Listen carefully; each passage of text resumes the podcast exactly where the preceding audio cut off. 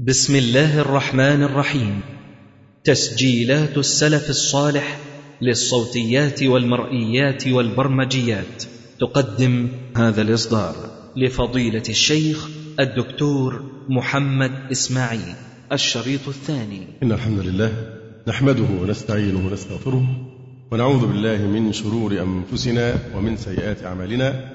من يهده الله فهو المهتد ومن يضلل فلا هادي له. وأشهد أن لا إله إلا الله وحده لا شريك له وأشهد أن محمدا عبده ورسوله. اللهم صل على محمد وعلى آل محمد كما صليت على آل إبراهيم إنك حميد مجيد. اللهم بارك على محمد وعلى آل محمد كما باركت على آل إبراهيم إنك حميد مجيد. أما بعد فقد انتهينا في تفسير سورة الصف إلى الآية السادسة وفيها قوله تعالى وإذ قال عيسى ابن مريم يا بني إسرائيل إني رسول الله إليكم مصدقا مصدقا لما بين يدي من التوراة ومبشرا برسول يأتي من بعد اسمه أحمد قوله تعالى وإذ قال قلنا تفسير واذكر إذ قال عيسى ابن مريم بدل من عيسى. يا بني إسرائيل لم يقل كما ذكرنا يا قوم. لأنه لم يكن له فيهم قرابة لأنه خلق من غير أب. فالمسيح عليه السلام لم يكن كما قال موسى. موسى قال يا قوم أما المسيح؟ فقال يا بني إسرائيل لأنه لا يمت إليهم بنسبة ما دام ليس له أب لأن النسب لا يكون إلا من جهة الأب. وإن كانت مريم أمه عليها السلام من أشرفهم نسبا. إني رسول الله إليكم. وتوقفنا عند قول تعالى إليكم وأنها تشير إلى أن رسالة عيسى كرسالات جميع الأنبياء سوى نبينا محمد صلى الله عليه وسلم إلى قومه خاصة. فكان النبي يبعث إلى قومه خاصة ولم يبعث إلى البشر جميعا والجن والإنس سوى رسولنا محمد صلى الله عليه وآله وسلم. وأن دعوى أن النصرانية دعوة عالمية وما يسمى بالتبشير أو إشاعتها في العالم فهذا كله خروج عن شريعة المسيح عليه السلام الذي كانت دعوته خاصة فقط ببني إسرائيل وكذلك كانت دعوة موسى عليه وعلى نبينا الصلاة والسلام. وإنما ابتدع بدعة نشر المسيحية على مستوى العالم شاؤول المسمى بولس والذي حرف الديانة النصرانية وأدخل فيها كثيرا من الضلالات منها هذه الفرية وهي أن المسيح رسول إلى جميع البشر. المسيح كان رسولا فقط إلى بني إسرائيل. ناقشنا هذا بالتفصيل. إني رسول الله إليكم مصدقا. حال من الضمير المستكن في رسول الله لتأويله بمرسل يعني مرسل مصدقا. فهي حال. لما بين يدي يدي مضاف إليه مجرور بالياء لأنه مثنى. ومعنى لما بين يدي يعني قبلي ما جاء قبلي من التوراة. ومبشرا برسول يأتي من بعد اسمه أحمد. ومبشرا عطف على مصدق فهي حال مثله. ومبشرا برسول يأتي. ما إعراب جملة يأتي؟ آه صفة لإيه؟ لرسول في محل جر أن الجمل بعد النكرات صفات وبعد المعارف أحوال. رسول يأتي فهذه صفة. من بعد. اسمه أحمد. اسمه أحمد. تبع وخبر اسمه أحمد صلى الله عليه وآله وسلم. قال تعالى فلما جاءهم بالبينات. الفاء هنا استئنافية. فلما جاءهم. أي جاء أحمد الكفار بالبينات أي الآيات والعلامات. قالوا هذا سحر مبين. قالوا هذا أي المجيء به. سحر مبين. طبعا هي جملة اسمه أحمد ما إعرابها ومبشرا برسول يأتي من بعد اسمه أحمد. ما إعراب جملة اسمه أحمد؟ أيوة. صفة ثانية ومبشرا برسول أول صفة إيه؟ يأتي من بعده ثم وصفه بصفة ثانية بالجملة الخبرية اسمه أحمد صلى الله عليه وسلم فهي صفة ثانية. فلما جاءهم أي أحمد وجاء الكفار بالبينات أي الآيات والعلامات قالوا هذا أي المجيء به سحر مبين وفي قراءة هذا ساحر مبين أي الجائي به ومبين بمعنى بين. يقول الشيخ عطية سالم رحمه الله تعالى في أضواء البيان قوله تعالى وإذ قال عيسى بن مريم يا بني إسرائيل إني رسول الله إليكم مصدقا لما بين يدي من التوراة ومبشرا برسول يأتي من بعد اسمه أحمد. يقول الشيخ عطية سالم رحمه الله تعالى ذكر موسى ولم يذكر معه البشرى بالنبي صلى الله عليه وسلم. فلما ذكر موسى وإذ قال موسى لقومه يا قوم لم تؤذونني؟ وقد تعلمون أني رسول الله إليكم. فلما زاغوا أزاغ الله قلوبهم والله لا يهدي القوم الفاسقين. لم يذكر في حق موسى أنه بشر بالنبي صلى الله عليه وسلم. لكن حينما ذكر عيسى ذكر أنه بشر به ومبشرا برسول يأتي من بعد اسمه أحمد. مما يدل بمفهومه أنه لم يبشر به إلا عيسى عليه السلام. لكن المفهوم هنا مفهوم إيه؟ مفهوم لقب. ولا يعمل بمفهوم اللقب عند الأصوليين. لماذا؟ ولأنه أيضا قد بشرت به صلى الله عليه وآله وسلم جميع الأنبياء. ومنهم موسى عليه وعلى نبينا الصلاة والسلام. ومما يشير إلى أن موسى مبشر بالنبي صلى الله عليه وآله وسلم أنه قال في هذه الآية أن عيسى عليه السلام قال في هذه الآية مصدقا لما بين يدي من التوراة فالذي بين يديه هي التوراة أنزلت على موسى. وقد جاء صريحا التعريف به صلى الله عليه وآله وسلم وبالذين معه في التوراة في قوله تعالى محمد رسول الله والذين معه أشداء على الكفار رحماء بينهم تراهم ركعا سجدا يبتغون فضلا من الله ورضوانا ذلك مثلهم في التوراة. يعني إلى أن قال تعالى ذلك مثلهم في التوراة فإذا هكذا وصفوا وصف النبي صلى الله عليه وسلم والصحابة رضي الله تعالى عنهم في التوراة قبل أن يخلقوا. ذلك مثلهم في التوراة. إشارة صريحة إلى أنه أن التوراة بشرت ببعثة النبي صلى الله عليه وسلم. ومثلهم في الإنجيل كزرع أخرج شطأه فآزره فاستغلظ فاستوى على سوق فهذا يدل على أن قول المسيح عليه السلام مصدقا لما بين يدي من التوراة فهو يصدق ما جاء في التوراة أيضا من البشارة بمحمد صلى الله عليه وآله وسلم. بل هناك نص صريح في سورة الأعراف. الذين يتبعون الرسول النبي الأمي الذي يجدونه مكتوبا عندهم في التوراة والإنجيل. يأمرهم بالمعروف وينهاهم عن المنكر إلى آخر الآية الكريمة. ويقول الله سبحانه وتعالى في حق جميع الأنبياء وإذ أخذ الله ميثاق النبيين لما آتيتكم من كتاب وحكمة ثم جاءكم رسول مصدق لما معكم. لتؤمنن به ولتنصرنه.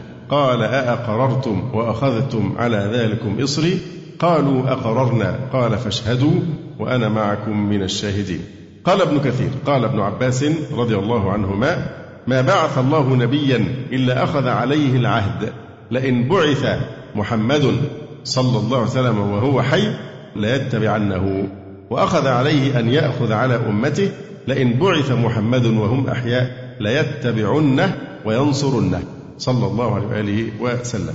وفي قصة النجاشي لما سمع من جعفر رضي الله تعالى عنه عن النبي صلى الله عليه وسلم قال أشهد أنه رسول الله وأنه الذي نجد في الإنجيل وأنه الذي بشر به عيسى بن مريم. وما قاله أيضا والله لولا ما أنا فيه من الملك لأتيته حتى أكون أنا أحمل عليه وأوضئه في حديث طويل عزاه ابن كثير إلى الإمام أحمد. كذلك إبراهيم عليه السلام قال في دعوته ربنا وابعث فيهم رسولا منهم يتلو عليهم آياته ويعلمهم الكتاب والحكمة ويزكيهم. ولذلك جاء في الحديث أنا دعوة أبي إبراهيم. استجابة دعوة إبراهيم عليه السلام. وبشرى عيسى ورؤيا أمي التي رأت. أما لماذا خص عيسى عليه السلام هنا في سورة الصف بالنص على البشرى بالنبي صلى الله عليه وسلم؟ فلأنه آخر أنبياء بني إسرائيل. فهو ناقل تلك البشرى لقومه عما قبله. كما قال ومصدقا لما بين يدي من التوراة ومن قبله ناقل عما قبله وهكذا حتى صرح بها عيسى عليه السلام وأداها إلى قومه. قوله تعالى اسمه أحمد. جاء بالنص أنه صلى الله عليه وآله وسلم له عدة أسماء. وفي الصحيح قوله صلى الله عليه وسلم أنا لي أسماء أنا محمد وأنا أحمد وأنا الماحي الذي يمحو الله به الكفر وأنا الحاشر الذي يحشر الناس على قدمي وأنا العاقب يعني الذي ليس بعده نبي.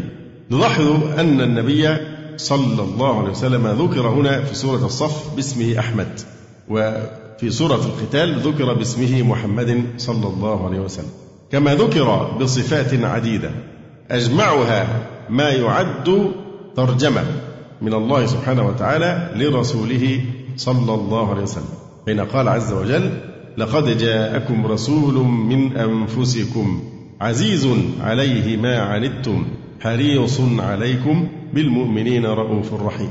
ويقول القاسمي رحمه الله تعالى قوله تعالى وإذ قال عيسى ابن مريم يا بني إسرائيل إني رسول الله إليكم مصدقا لما بين يدي من التوراة أي التي أنزلت على موسى وذلك مما يدعو إلى تصديقه عليه السلام أنه أتى مصدقا لما في التوراة التي أنتم عليها ومؤمنون بها. ومبشرا برسول يأتي من بعد اسمه أحمد. وهناك قراءة أخرى يعني هذه قراءة من بعد اسمه أحمد. قراءة أخرى من بعد اسمه أحمد. فلما جاءهم بالبينات أي الدلالات التي أتاها الله إياه حججا على نبوته. قالوا هذا سحر مبين أي بين. يقول الحافظ ابن كثير رحمه الله تعالى فعيسى عليه السلام هو خاتم أنبياء بني إسرائيل. وقد أقام في ملأ بني إسرائيل مبشرا بمحمد صلى الله عليه وسلم وهو أحمد خاتم الأنبياء والمرسلين الذي لا رسالة بعده ولا نبوة. نقل الرازي وغيره مصداق هذه الآية من الإنجيل الموجود بين أيديهم وذلك في إنجيل يوحنا في الباب الرابع عشر هكذا وهذه كانت الوصية الأخيرة للمسيح قبل أن يرفع إلى السماء قال لهم إن كنتم تحبونني فاحفظوا وصاياي وأنا أطلب من الأب فيعطيكم فرقليط آخر ليثبت معكم إلى الأبد. وفرقليط يونانية لفظها الأصلي بيراكلوت أو بيراكليتوس بمعناها معناها محمد أو أحمد. وقد بين الدكتور كارلو لينو وهو مستشرق إيطالي عالم في اللغة اليونانية القديمة بل له رسالة دكتوراه فيها. حينما سأله الشيخ عبد الوهاب النجار عن معنى هذا الوصف هذه كلمة بيراكليتوس أو الباراكليتوس باراكليتوس. البي التقيلة بتترجم بالفاء أحيانا بارادايس يعني الفردوس. فلذلك باراكليتوس أو فاراكليت سأله عن معناها فقال إن القساوسة يقولون إنه المعزي والمخلص وهكذا. قال أنا لا أسأل القساوسة لكني أسأل الدكتور كارلو ليلو الحاصل على شهادة دكتوراه في اللغة اليونانية القديمة. فقال له إن معناها الذي في اسمه حمد كثير. قال فهل هذا يوافق أفعل تفضيل من حمد قال نعم. قال فإنه اسم نبينا محمد صلى الله عليه وسلم أحمد. فقال يا أخي إنك تقرأ كثيرا. وسكت. كان هذا هو تعليقه. يقول مسيوف مارسي من مدرسة اللغات الشرقية إن محمدا هو مؤسس الدين الإسلامي. طبعا هذا كلام باطل لأن الرسول ما هو إلا مبلغ. وليس مؤسسا. واسم محمد جاء من مادة حمد ومن غريب الاتفاق. يعني عايز يقول دي صدفة. من غريب الاتفاق. مش غريب ولا حاجة. وليس اتفاقا. ليس صدفة. هو يقول من غريب الاتفاق أن نصارى العرب كانوا يستعملون اسما من نفس المادة. يقرب في المعنى من محمد وهو أحمد لتسمية الباراكليط به. ومعنى أحمد صاحب الحمد.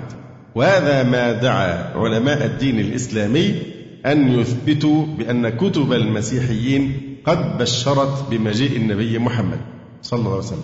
وقد أشار القرآن نفسه إلى هذا بقوله عن المسيح ومبشرا برسول يأتي من بعد اسمه أحمد. هو بيقول ده شيء يعني إيه؟ حصل عن طريق المصادفة. مع أن النص القرآني واضح. ومبشرا برسول يأتي من بعد اسمه أحمد. فمن الذي أتى بعد المسيح سوى رسولنا صلى الله عليه وسلم؟ ومن نبي آخر يدعى أحمد؟ فهو اعتراف شبه صريح بأن الباراكليت تعني أحمد. وقد قال اسبرنجر إن هذه الآية تشير إشارة خاصة إلى عبارة إنجيل يوحنا حيث وعد المسيح تلامذته ببعثة صاحب هذا الاسم. انتهى بحروفه.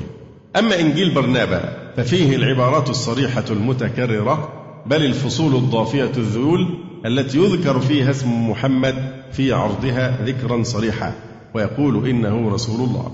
وقد نقل الشيخ محمد بيرم عن رحالة إنكليزي أنه رأى في دار الكتب البابوية في الفاتيكان نسخة من الإنجيل مكتوبة بالقلم الحميري قبل بعثة النبي صلى الله عليه وسلم.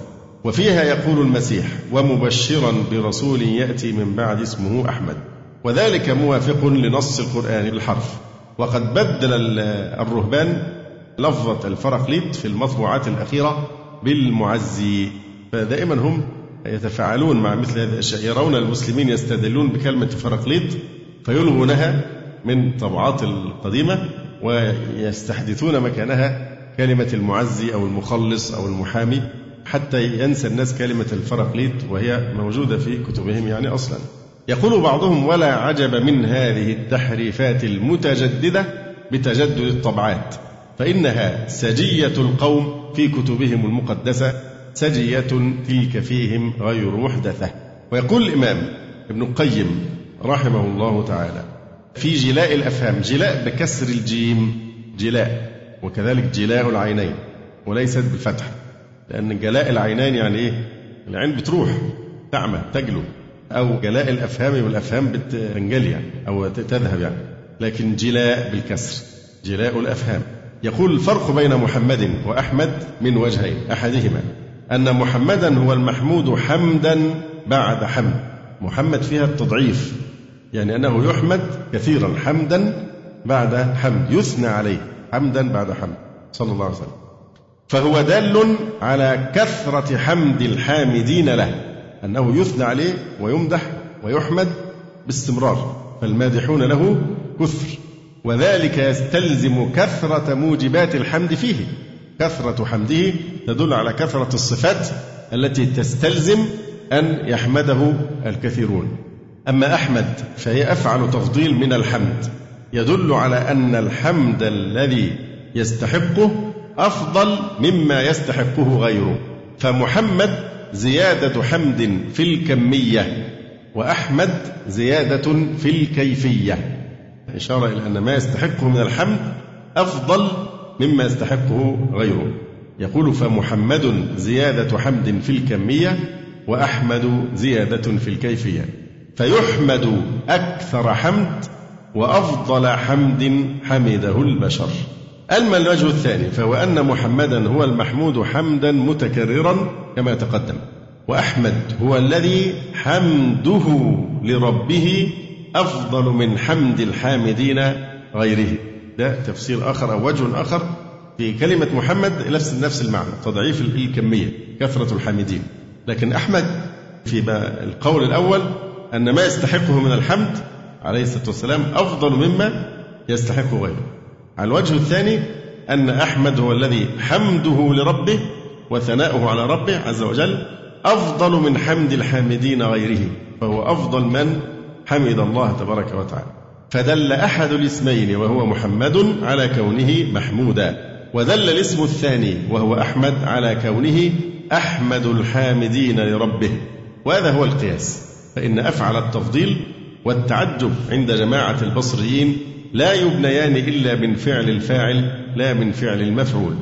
ذهابا إلى أنهما إنما يصاغان من الفعل اللازم لا المتعدي بيقول إيه ابن مالك في الموضوع ده؟ وصوهما من ذي ثلاث صرفا قابل حمد تم غير ذي انتفاء وغير ذي وصف يضاهي أشهلا وغير سالك سبيل فعلا. يعني مش مفعول تصاغ صيغة التعجب من إيه؟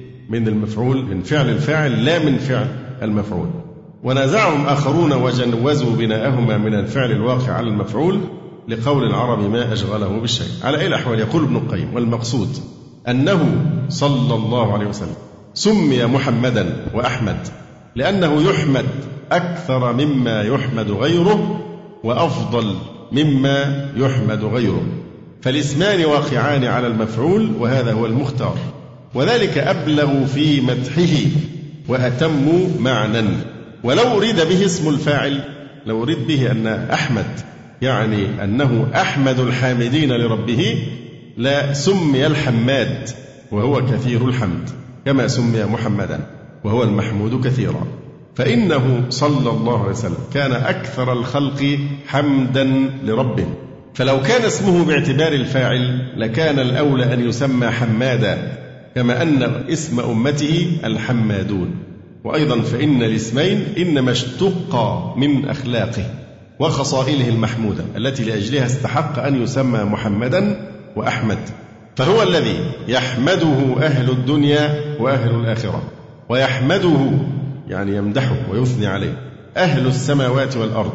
فلكثرة خصائله التي تفوت عد العادين سمي باسمين من أسماء الحمد يقتضيان التفضيل والزيادة في القدر والصفة. ثم يقول تبارك وتعالى ومن أظلم ممن افترى على الله الكذب وهو يدعى إلى الإسلام والله لا يهدي القوم الظالمين. ومن أظلم؟ الواو استئنافية. من أظلم؟ من هنا؟ استفهام يفيد الإيه؟ النفي. يعني لا أحد أظلم منه.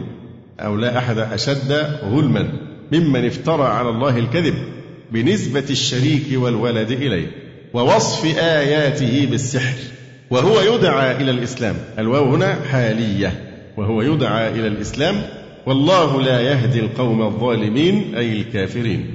فمعنى وهو يدعى إلى الإسلام يعني يدعوه ربه إلى الإسلام على لسان نبيه صلى الله عليه وسلم. يدعو إلى الإسلام الذي فيه سعادة الدارين فيجعل مكان إجابته افتراء الكذب على الله تعالى. ومن أظلم يعني لا أحد أظلم من هذا الذي يفتري ممن افترى على الله الكذب وهو يدعى إلى الإسلام. والله لا يهدي القوم الظالمين أي الكافرين.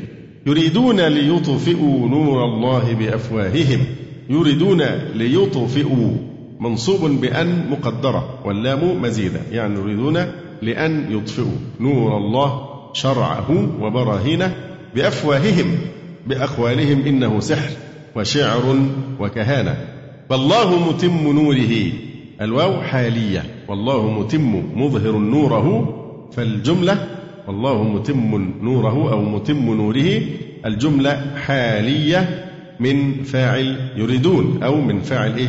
يطفئوا اللي هو إيه؟ واو الجماعة. وفي قراءة بالإضافة يعني في قراءة والله متم نوره ولو كره الكافرون. قراءة أخرى والله متم نوره ولو كره الكافرون. ولو شرطية ولو كره الكافرون ذلك. يعني فلو أداة شرط وفعل الشرط كره الكافرون جوابها محذوف تقديره أتمه وأظهره يعني ولو كره الكافرون أتمه الله وأظهره فلا بد أن يتمه الله سبحانه وتعالى وأن يظهره. هو الذي أرسل رسوله بالهدى ودين الحق. أرسل رسوله محمدا صلى الله عليه وسلم بالهدى ودين الحق ليظهره. اللام هنا تعليلية. ليظهره يعني ليعليه على الدين كله أي على جميع الأديان المخالفة. يعني بذلك جميع الأديان ما عدا دين الإسلام فإن الله سبحانه وتعالى لا يقبل من العباد سواه وبه أرسل جميع الرسل. فأعظم جريمة ترتكب في هذا العصر الذي نحن فيه الآن محاولة مساواة الإسلام بغيره من ملل الكفر. أكبر جريمة وأكبر إساءة في حق البشرية كلها. لأننا قلنا من قبل مرارا أن أعظم حق من حقوق الإنسان ألا يحال بينه وبين أن تبلغه رسالة السماء رسالة الإسلام التي فيها سعادة الدارين. فأكبر إساءة وأكبر جريمة أن يشوش الحق بالباطل.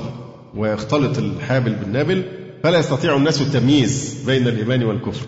بل إنهم يسوون بين الإيمان والكفر وبالتالي هذا هدم لأصل أصول الإسلام. وإساءة للبشرية وجريمة في حق البشرية. فبدل ما يقولوا فلان مجرم حرب وعايزين نحاكمه وفلان مجرم كذا هؤلاء الذين يصدون عن سبيل الله أو الذين يقبلون أن يسووا الإسلام بغيره من الملل الكفرية فهذه أكبر جريمة يمكن أن ترتكب لأنه يترتب عليها فساد عريض في الأرض. إلا تفعلوه تكن فتنة في الأرض وفساد كبير. كيف سيهتدي الناس وهم يسمعون من هذا ومن ذاك ومن لكع ابن لكع وأمثاله أن الناس كلها سواسية وكل داخل الجنة وكل يريد الخير واحترام الأديان ونحو ذلك. كيف يحترم من يعبد الأوثان؟ كيف يحترم من يعبد مخلوقا من مخلوقات الله تبارك وتعالى؟ يعبد الشجر أو يعبد الفيران أو يعبد الشيطان. احترام الأديان حرية العقيدة. فهذا كله مما يراد به إبطال دين الإسلام. فمن الجرائم العظمى في هذا العصر محاولة البعض أن آه، يسووا بين الأديان وغيره من ملل الكفر. وكما ذكرنا من قبل إن هذه المحاولات حتما ستبوء بالفشل مهما أنفقوا من أموال وشنعوا من حملات. لهذه الآية الكريمة يريدون ليطفئوا نور الله بأفواههم. والله متم نوره ولو كره الكافرون هو الذي أظهر رسوله بالهدى ودين الحق ليظهره على الدين كله ولو كره المشركون. فهؤلاء ينطبق عليهم قوله تعالى ويبغونها عوجا. يصدون عن سبيل الله ويبغونها عوجا. لا يريدون لسبيل الله أن تبقى كما هي مستقيمة لكنهم يحاولون أن يحرفوها عن طريقها. ولذلك يحظى الإسلام بأكبر قدر من العداء على مستوى العالم كله. لا يوجد دين يحارب كما يحارب الإسلام ولا يشوه كما يشوه الإسلام. لماذا؟ لأنه الدين الوحيد الذي يستعصي على التحريف. أما الأديان الأخرى بالتعبير السوقي كبروا دماغهم يعني وتفهموا وتنازلوا وحوروا وغيروا. كما فعل اليهود محرفوا الكتب السماوية دي حرفتهم اليهود. وكما فعل النصارى وكما فعل غيرهم. فدائما أهل الباطل يتنازل بعضهم لبعض ويتسامحون مع ما يضاد عقيدتهم. ولذلك حتى مشركو قريش قبلوا المساومة على ما لا يقبل المساومة. فأتوا للرسول عليه السلام وقالوا نعبد إلهك سنة السنة اللي بعدها تعبد أنت معنا آلهتنا ويبقى كده هنصيب الحق سواء معنا أو معك. فالذي يقبل التنازل لأنه ليس على حق صاحب الحق لا يقبل. وذلك نزل الجواب صريحا. في قوله تعالى قل يا أيها الكافرون لا أعبد في الحاضر ما تعبدون ولا أنتم عابدون ما أعبد في المستقبل بل ستموتون على الكفر ولا أنا في المستقبل عابد ما عبدتم ولا أنتم عابدون ما أعبد لكم دينكم ولي دين لكم دينكم الباطل مش مقصود كما بعض الناس تستدل بالآية على عكس ما يراد به فيقول لكم دينكم ولي دين يعني كل واحد حر ودي مسألة شخصية ومزاج شخصي فأنت لك دين ولا لي دين زي ما يقول الشوام كده كل واحد على دينه الله يعينه. فلا لكم دينكم الباطل ولي ديني. كده لو وصلت بالسورة التي بعدها تقولي لكم دينكم ولي ديني بسم الله لكنها حذفت الياء. لكم دينكم هذا مثل قوله تعالى أنتم بريئون مما أعمل وأنا بريء مما تعملون. من أكبر الجرائم التي ترتكب الآن في حق البشرية هي محاولة المساواة بين الإسلام والكفر أو محاولة التغيير في حقائق الإسلام بالتحريف والتبديل. طبعا تحريف لن يقع. إنا نحن نزلنا الذكر وإنا له لحافظون. لكن تحريف المعاني وإفسادها على يد بعض الضالين سواء من داخل الإسلام أو من خارجه فهذا ما يرفض قطعا. فمهما حاولوا لن تفلح هذه الأشياء لأن حجة الله ستبقى باقية. لأن الله الذي تكفل بحفظ القرآن الكريم وبحفظ الإسلام حتى تبقى الحجة قائمة على خلق الله تبارك وتعالى. يريدون ليطفئوا نور الله بأفواههم. والله متم نوره أو متم نوره ولو كره الكافرون أي ذلك. طبعا قوله تعالى يريدون ليطفئوا. اللام هنا مزيدة في مفعول الإرادة. يعني هم يريدون إطفاء نور الله. فاللام زادت يريدون ماذا؟ ليطفئوا. فيطفئوا دي إيه؟ المفعول. فزيدت اللام في مفعول الإرادة لأن أصل الكلام يريدون أن يطفئوا كما في سورة براء يريدون أن يطفئوا نور الله بأفواههم. وكأن هذه اللام زيدت مع فعل الإرادة توكيدا له لما فيها من معنى الإرادة. كما تقول جئت لإكرامك. يبقى جئت أريد إكرامك. كذلك يريدون ليطفئوا آه، فهنا ليطفئوا فيها معنى الإيه؟ الإرادة. نعم. لأن اللام فيها معنى الإرادة. اللام تتضمن معنى الإرادة. أو ليطفئوا تكون هي لام التعليل والمفعول محذوف. يعني يريدون إبطال القرآن أو رفع الإسلام أو هلاك الرسول صلى الله عليه وسلم ليطفئوا نور الله بأفواههم. يبقى إما أنها لام بمعنى الإرادة وإما أنها لام التعليل والمفعول محذوف. يريدون إبطال القرآن أو رفع الإسلام أو هلاك الرسول صلى الله عليه وسلم ليطفئوا فهنا لام تعليل ليطفئوا نور الله بأفواههم. وفيه استعارة تمثيلية تمثيلا لحالتهم في اجتهادهم في إبطال الحق بحال من ينفخ في نور الشمس بفيه ليطفئها على سبيل التهكم والسخرية به يريدون ليطفئوا نور الله. يعني لو واحد وقف أمام الشمس وينفخ كي يطفئ الشمس. هذه الصورة التي أراد الله سبحانه وتعالى. ولا شك نور الله أعظم من نور الشمس. وليس لبشر أن يطفئ نور الله أبدا. لكن حتى لو الشمس هي مخلوقة لو كل من على وجه الأرض أظلوا ينفخون ليطفئوا الشمس. فهل يحدث هذا؟ ما يستطيعون. والله متم نوره. ولو كره الكافرون. هو الذي أرسل رسوله أي محمدا صلى الله عليه وسلم بالهدى ودين الحق ليظهره. اللام هنا تعليلية يعني ليغلبه على الدين كله أي جميع الأديان المخالفة. ولو كره المشركون الواو حالية ولو كره المشركون إظهاره أو ولو كره المشركون ذلك. يقول القاسمي رحمه الله تعالى يريدون ليطفئوا نور الله بأفواههم والله متم نوره ولو كره الكافرون. قال ابن جرير أي يريد هؤلاء القائلون لمحمد صلى الله عليه وسلم هذا ساحر؟ ليبطلوا الحق الذي جاء به بقولهم إنه ساحر وما جاء به سحر. والله معلن الحق ومظهر دينه وناصر رسوله صلى الله عليه وسلم على من عاداه فذلك إتمام نوره. فنور الله استعارة تصريحية لدينه والإطفاء ترشيح أو التركيب استعارة تمثيلية. مثلت حالهم في اجتهادهم في إبطال الحق بحال من ينفخ في نور الشمس بفيه ليطفئه تهكما وسخرية بهم. كما يقول الناس هو يطين عين الشمس.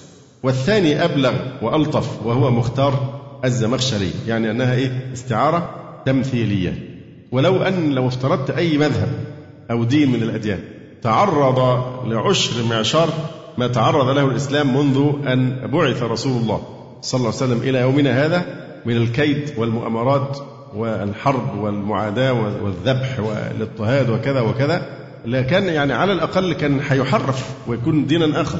لكن الإسلام في نفس رونقه وصفائه ونقائه وحجة الله ظاهرة قرآن محفوظ فهذا في حد ذاته ثبوت الإسلام أمام هذه الأمواج العاتية من أمواج محاولات التحريف والاضطهاد والتغيير والتبديل هذا في حد ذاته هو دليل على أنه دين الله الحق الذي أراد أن ينقذ به البشرية.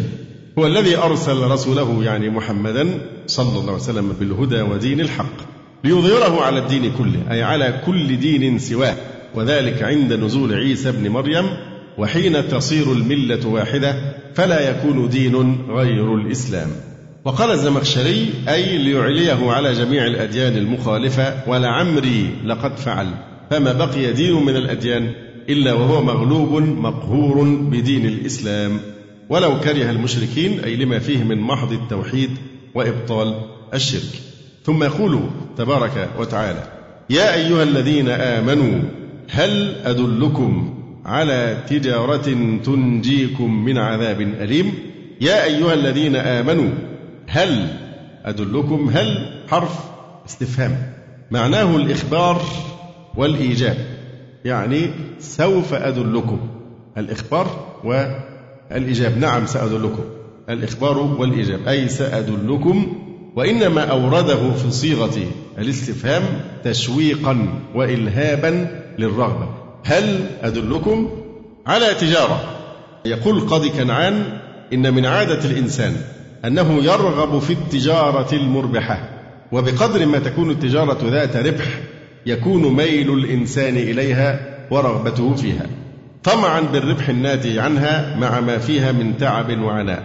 لذلك خاطب الله تعالى المؤمنين بهذا الأسلوب الفريد مرغبا في أمرين عظيمين الإيمان بالله ورسوله والجهاد في سبيل الله بالمال والنفس.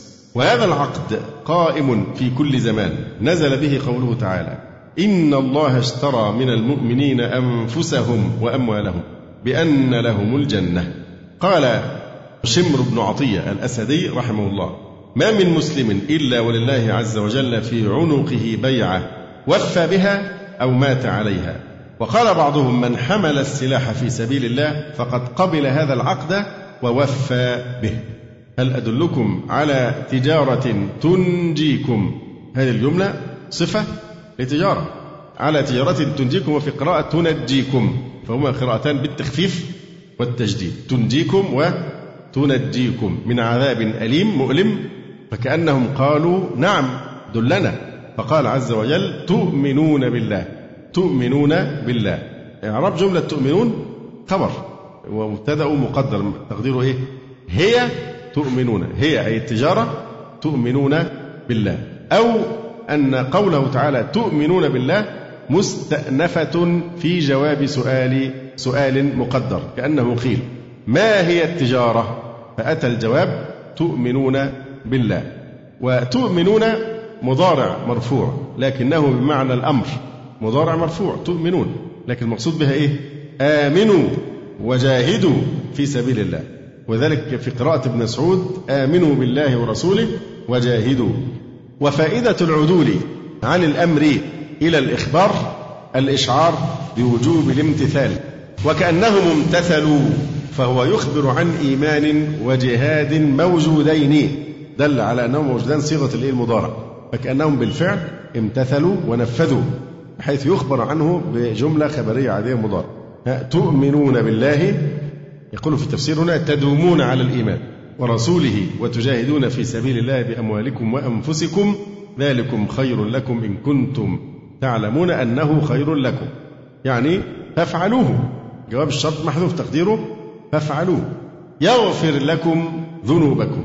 ما إعراب يغفر؟ إحنا قلنا تؤمنون دي معناها إيه؟ آمنوا. طيب يبقى آمنوا يغفر.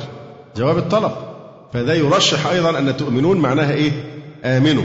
بدليل إنه إيه؟ عاملها معاملة الفعل الأمر فجواب الطلب زي كل تسمن ذاكر تنجح فكذلك آمنوا يغفر لكم. هذا يقوي أن تفسير كلمة تؤمنون إيه؟ أنها مراد بها الأمر. تؤمنون بالله ورسوله. يقول يغفر لكم. طبعا هي ممكن تكون جواب شرط مقدر. يعني إن تفعلوه يغفر لكم. ممكن تكون جواب شرط مقدر. إن تفعلوه يغفر لكم ذنوبكم ويدخلكم جنات. أو تكون جواب الطلب المفهوم من قوله تؤمنون. فتكون مثل قول الله تبارك وتعالى قل لعبادي الذين آمنوا يقيموا الصلاة. يعني إيه؟ إن تقل لهم أقيموا يقيموا. يعني قل لعبادي لعبادي الذين آمنوا أقيموا الصلاة يقيموا الصلاة. مثلا قل للمؤمنين يغضوا من أبصارهم. قل للمؤمنين غضوا يغضوا. إشارة إلى أن المؤمنين لابد أن يمتثلوا هذا الأمر. يغفر لكم ذنوبكم ويدخلكم جنات. ما يعرب جنات؟ ارفع صوتك. ماشي صح مفعول به؟ ثان ما تقولش ثاني بقى. إحنا في درس قرآن. مش ثاني. ينفع مفعول به ثاني؟ ها؟ اشرحوا لنا الموضوع ده. ليه؟ ثان. لأن هنا في تنوين الإيه؟ التعويض عن عن حرف. تنوين تعويض عن حرف. فإحنا ننون آه، عن الحرف المحذوف وهو إيه؟ الياء. يبقى نقول مفعول به ثان مش ثاني. ثاني دي لو فيها ألف ولام أو مضافة. ثانية اثنين. ويدخلكم جنات تجري من تحتها الأنهار ومساكن طيبة في جنات عدن. ما إعراب في جنات عدن؟ تفضل. أحسنت. تجري من تحتها الأنهار ومساكن طيبة. يبقى طيبة إيه؟ نعت أول أو صفة أولى لمساكن. ومساكن طيبة. في جنات عدن. يبقى قوله في جنات عدن هذا أيضا نعت ثان لمساكن. ما معنى كلمة عدن؟ إقامة. إقامة. في جنات عدن أي إقامة. ذلك الفوز العظيم. وأخرى تحبونها نصر من الله وفتح قريب وبشر المؤمنين أي بالنصر والفتح. وأخرى تحبونها. ما أعرب أخرى؟ نعم مبتدأ مؤخر. وأخرى تحبونها نصر من الله. ما إعراب نصر؟ الإعراب مهم جدا في فهم معاني الآيات. يبقى وأخرى تحبونها أخرى إذا قلنا إن أخرى مبتدأ مؤخر. طيب آه، وأخرى تحبونها نصر من الله نصر خبر لمبتدأ محذوف. تقديره إيه؟ هي يعني تلك النعمة الأخرى نصر من الله أو نصر بدل من أخرى إذا أعربت أخرى مبتدأ. فإذا مبتدأ اللي هو وأخرى طبعا لو قلنا مبتدأ قلنا مبتدأ إيه؟ مؤخر. طيب أين خبره المقدم؟ خبر المقدم محذوف يعني لكم نعمة. أو مثوبة أخرى. ويجوز أن يكون منصوبا على إضمار فعل تقديره ويمنحكم أخرى. تحبونها نصر من الله وفتح قريب وبشر المؤمنين. يقول القاسمي في قوله تعالى يا أيها الذين آمنوا هل أدلكم على تجارة تنجيكم من عذاب أليم؟ إلى آخره. قيل إن هذه الآيات أو الآية نزلت لما قالوا لو علمنا أي الأعمال أحب إلى الله لعملنا به أبدا. فدلهم الله على ذلك وجعله بمنزلة التجارة لمكان ربحهم فيه. فقال يا أيها الذين آمنوا هل أدلكم على تجارة؟ قوله تعالى تؤمنون بالله ورسوله أي إيمانا يقينيا لا يشوبه أدنى شك. وتجاهدون في سبيل الله بأموالكم وأنفسكم. ذلكم خير لكم إن كنتم تعلمون أي إن كنتم من أهل العلم. أو إن كنتم تعلمون أنه خير فإن قيل إن ذلك خير بنفسه علموا أو لا. وأيضا أن علمهم محقق لأن الخطاب مع المؤمنين. فالجواب ما قاله الناصر أن الشرط ليس على حقيقته بل هو من وادي قوله تعالى يا أيها الذين آمنوا اتقوا الله وذروا ما بقي من الربا إن كنتم مؤمنين. والمقصود بهذا الشرط التنبيه على المعنى الذي يقتضي الامتثال وإلهاب الحمية للطاعة كما تقول لمن تأمره بالانتصاف من عدوه إن كنت حرا فانتصر. وأنت تعلم أنه تريد أن تثير منه حمية الانتصار لا غير. كذلك قول هنا ذلكم خير لكم إن كنتم تعلمون. وقوله تعالى يغفر لكم ذنوبكم. جواب للأمر المدلول عليه بلفظ الخبر تؤمنون وتجاهدون أو جواب لشرط أو استفهام دل عليه كلام تقديره إن تؤمنوا وتجاهدوا يغفر لكم ذنوبكم. أو هل تقبلون أن أدلكم يغفر لكم؟ قوله تعالى ويدخلكم جنات تجري من تحتها الأنهار ومساكن طيبة في جنات عدن أي بساتين إقامة لا ضعن عنها لا انتقال عنها. ذلك الفوز العظيم أي النجاء العظيم من نكال الآخرة وأهوالها. وأخرى تحبونها نصر من الله وفتح قريب أي عاجل وهو فتح مكة. وهذا يدل على أن السورة نزلت قبل فتح مكة بقليل وكان القصد منها تشجيع المؤمنين على قتال محاربيهم والثبات أمامه والتحذير عن الزيغ عن ذلك. والترغيب في السخاوة ببذل الأنفس والأموال في سبيل الحق لإعلاء شأنه وإزهاق الباطل. وأخرى تحبونها نصر من الله قيل فتح مكة وقيل فتح فارس والروم. نصر من الله لكم على أعدائكم وفتح قريب يعجله لكم. وبشر المؤمنين أي بنصره تعالى لهم وفتحه. وطبعا وبالجنة في الآخرة. يقول الشيخ عطية سالم رحمه الله تعالى أيضا في قول الله سبحانه وتعالى هنا يا أيها الذين آمنوا هل أدلكم على تجارة تنجيكم من عذاب أليم؟ يقول فسرت التجارة بقوله تعالى ما هي التجارة؟ تؤمنون بالله ورسوله وتجاهدون في سبيل الله بأموالكم وأنفسكم. فالتجارة هي التصرف في رأس المال طلبا للربح. كما قال تعالى إلا أن تكون تجارة تديرونها بينكم. قال تعالى تجارة تخشون كسادها. والتجارة هنا فسرت بالإيمان بالله ورسوله صلى الله عليه وسلم وبذل المال والنفس في سبيل الله. فما هي المعاوضة الموجودة في تلك التجارة الهامة؟ ما دامت هي تجارة لابد فيها من عوض ومعاوضة بين شيئين. هذا ما بينه تعالى في قوله إن الله اشترى من المؤمنين أنفسهم وأموالهم بأن لهم الجنة. يقاتلون في سبيل الله فيقتلون ويقتلون. وعدا عليه حقا في التوراة والإنجيل والقرآن. ومن أوفى بعهده من الله فاستبشروا ببيعكم الذي بايعتم به وذلك هو الفوز العظيم. فهنا مبايعة وهنا بشرى وهنا فوز عظيم. كذلك في هذه الآية يغفر لكم ذنوبكم ويدخلكم جنات تجري من تحتها الأنهار ومساكن طيبة في جنات عدن ذلك الفوز العظيم. وأخرى تحبونها نصر من الله وفتح قريب. دل القرآن على أن من فاتته هذه الصفقة الرابحة فهو لا محالة خاسر. كما في قوله تعالى أولئك الذين اشتروا الضلالة بالهدى. فما ربحت تجارتهم وما كانوا مهتدين.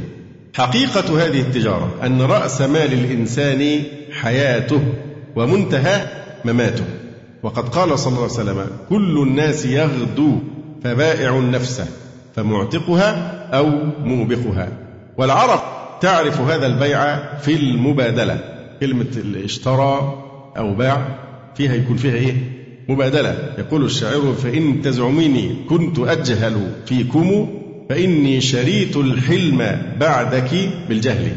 فإني شريت الحلم بعدك بالجهل يعني مبادلة.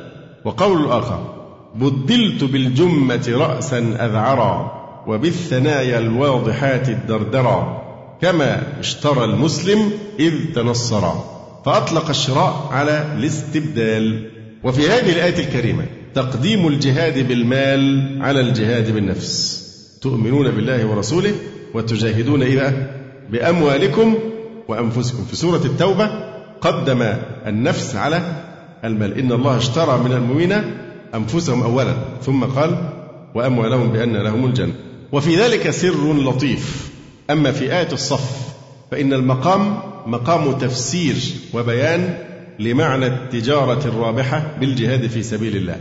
وحقيقة الجهاد بذل الجهد والطاقة. والمال هو عصب الحرب وهو مدد الجيش وهو أهم من الجهاد بالسلاح. فبالمال يشترى السلاح. وقد تستأجر الرجال كما في الجيوش الحديثة من الفرق الأجنبية. وبالمال يجهز الجيش. ولذا لما جاء الإذن بالجهاد أعذر الله المرضى والضعفاء وأعذر معهم الفقراء الذين لا يستطيعون تجهيز أنفسهم وأعذر معهم الرسول صلى الله عليه وسلم إذ لم يوجد عنده ما يجهزهم به. كما في قوله تعالى ليس على الضعفاء ولا على المرضى إلى قوله ولا على إلى ولا على الذين إذا ما أتوك لتحملهم قلت لا أجد ما أحملكم عليه. تولوا وأعينهم تفيض من الدمع حزنا ألا يجدوا ما ينفقون المال. كذلك من جانب آخر قد يجاهد بالمال من لا يستطيع الجهاد بالسلاح كالنساء والضعفاء. كما قال صلى الله عليه وسلم من جهز غازيا فقد غزا. أما الآية الثانية في سورة التوبة فهي في معرض الاستبدال والعرض والطلب أو ما يسمى بالمساومة.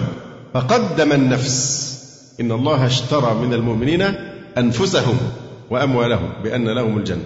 قدم النفس لأنها أعز ما يملك الحي. النفس أغلى من المال والإنسان يفتدي حياته بإيه؟ بماله. فقدم النفس في سورة التوبة لأنها أعز ما يملك الحي وجعل في مقابلها الجنة وهي أعز ما يوهب وأحسن ما قيل في ذلك.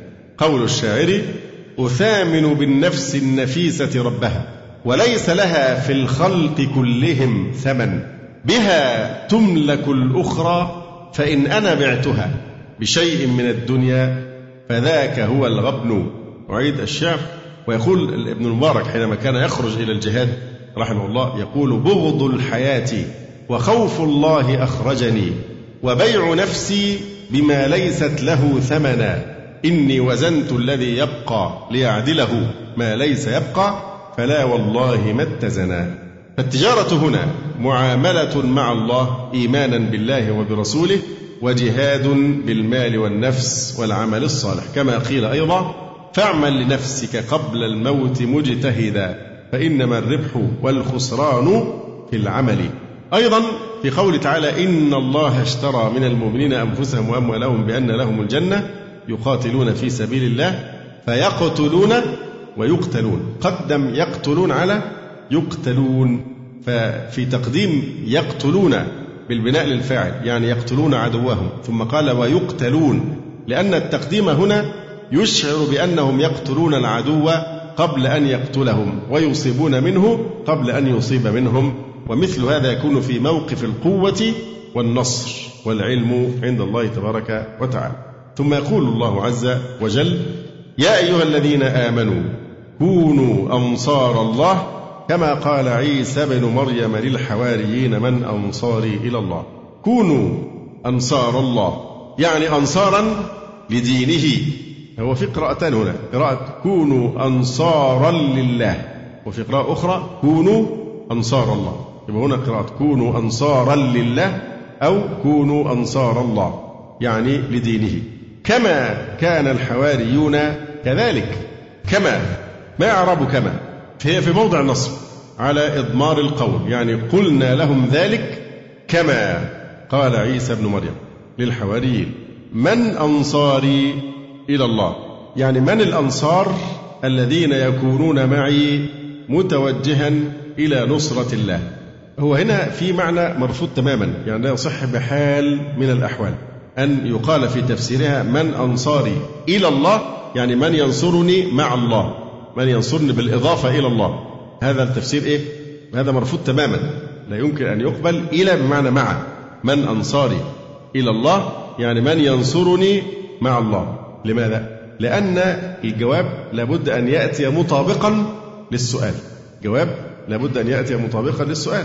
فهنا يعني زي ما قلنا في تفسير في سورة البقرة وإذ قال موسى لقومه إن الله يأمركم أن تذبحوا بقرة. قالوا أتتخذنا هزوا؟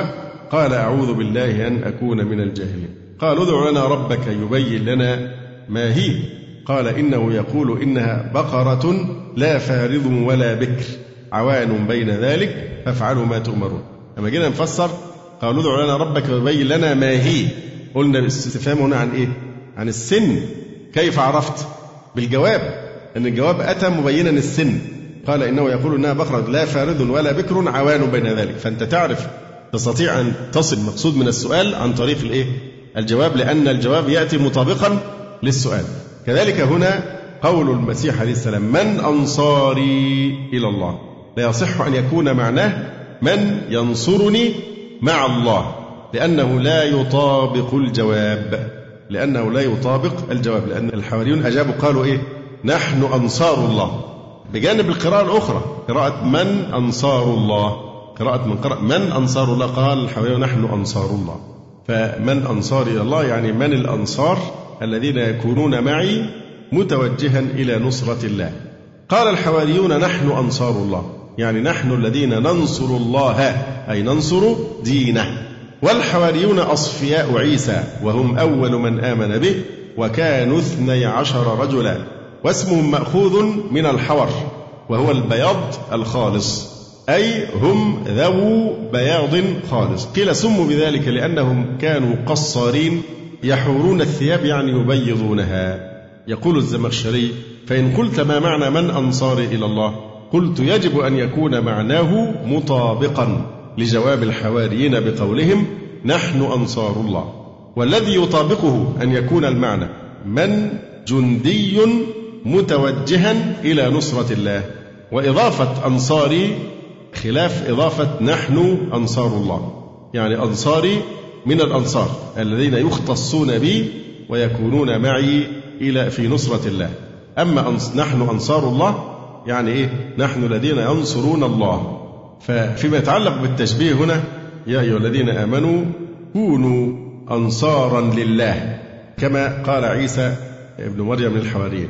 فهذا كلام محمول على معناه دون لفظه. يقول الزمخشري فإن قلت ما وجه صحة التشبيه. وظاهره تشبيه كونهم أنصارا بقول عيسى من أنصاري إلى الله. فالتشبيه محمول على المعنى وعليه يصح. يعني المعنى يكون إيه؟ كونوا أنصار الله كما كان الحواريون أنصار عيسى حين قال لهم من أنصاري إلى الله. فآمنت طائفة من بني إسرائيل بعيسى بن مريم وقالوا إنه عبد الله رفع إلى السماء. وكفر الطائفة لقولهم إنه ابن الله رفعه إليه فاقتتلت الطائفتان فأيدنا الذين آمنوا على عدوهم فأصبحوا ظاهرين. قوله تعالى فآمنت طائفة الفاء عاطفة على جملة محذوفة لا بد من تقديرها. يعني قال الحواري ونحن أنصار الله.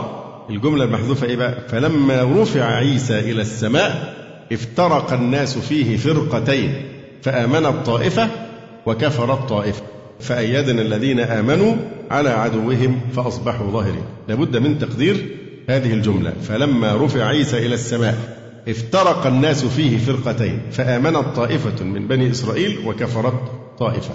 فأيدنا قوينا. الفاء عاطفة على محذوف أيضا. إيه هو المحذوف؟ نعم. فاقتتلت الطائفتان وكفرت طائفة فاقتتلت الطائفتان.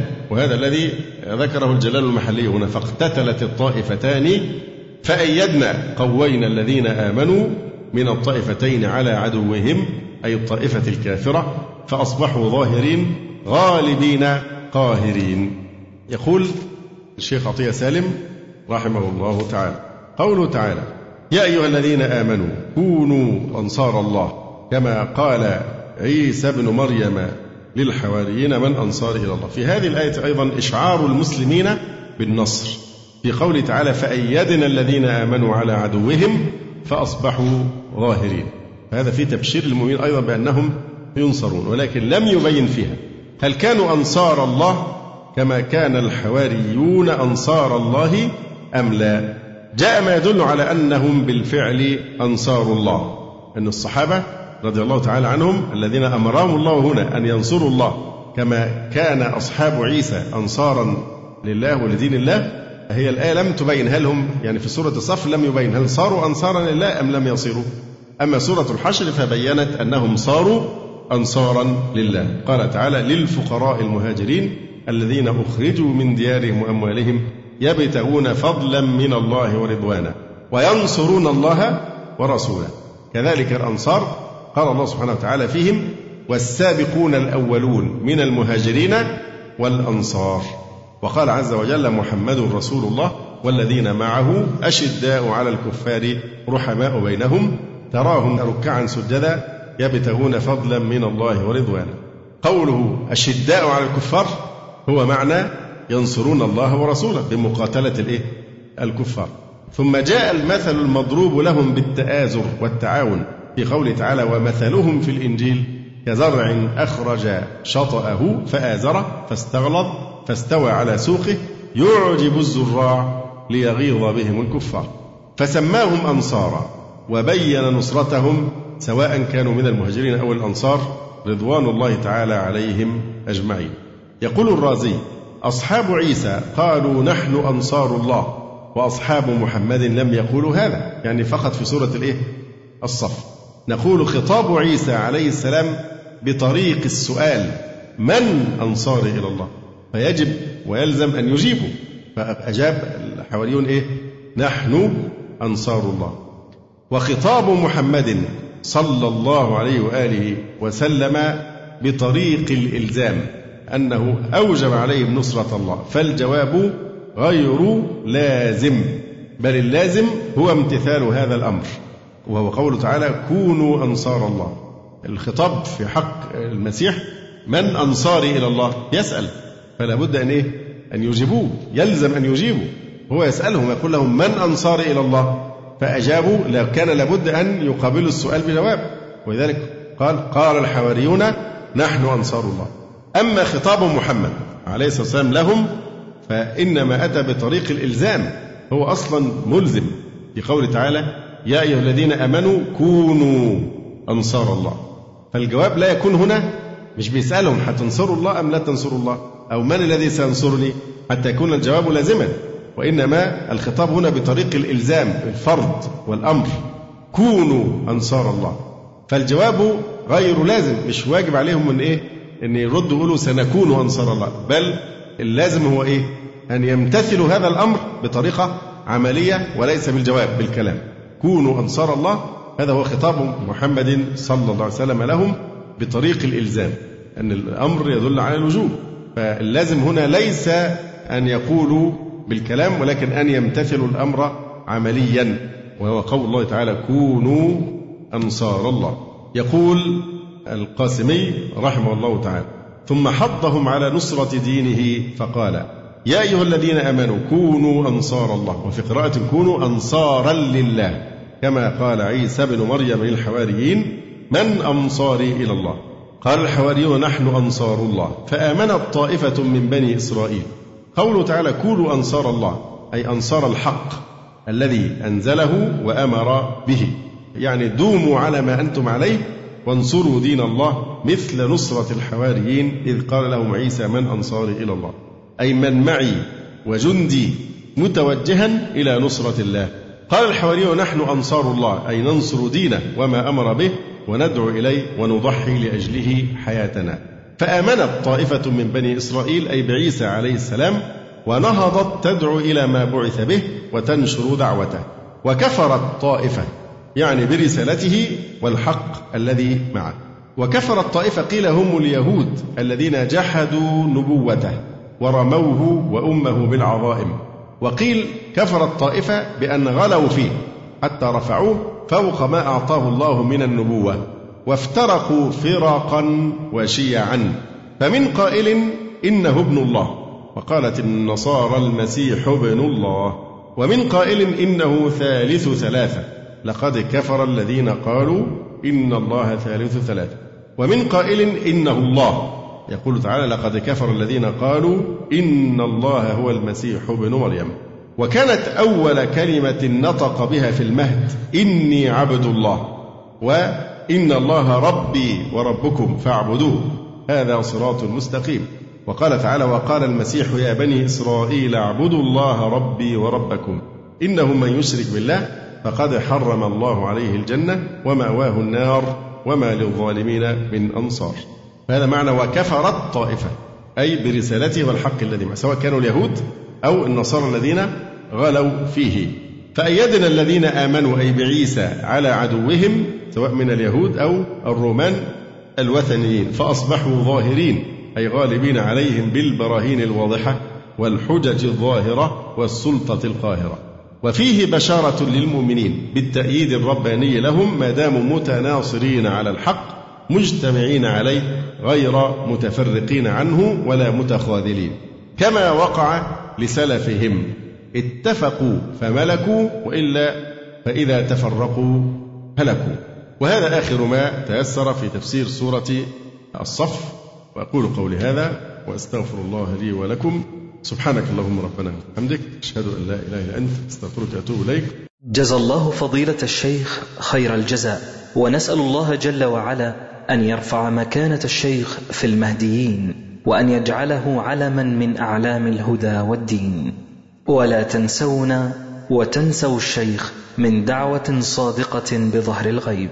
وتقبلوا تحيات إخوانكم في تسجيلات السلف الصالح بالإسكندرية. هاتف رقم صفر ثلاثة فاصل أربعة تسعة أربعة سبعة ستة خمسة اثنان.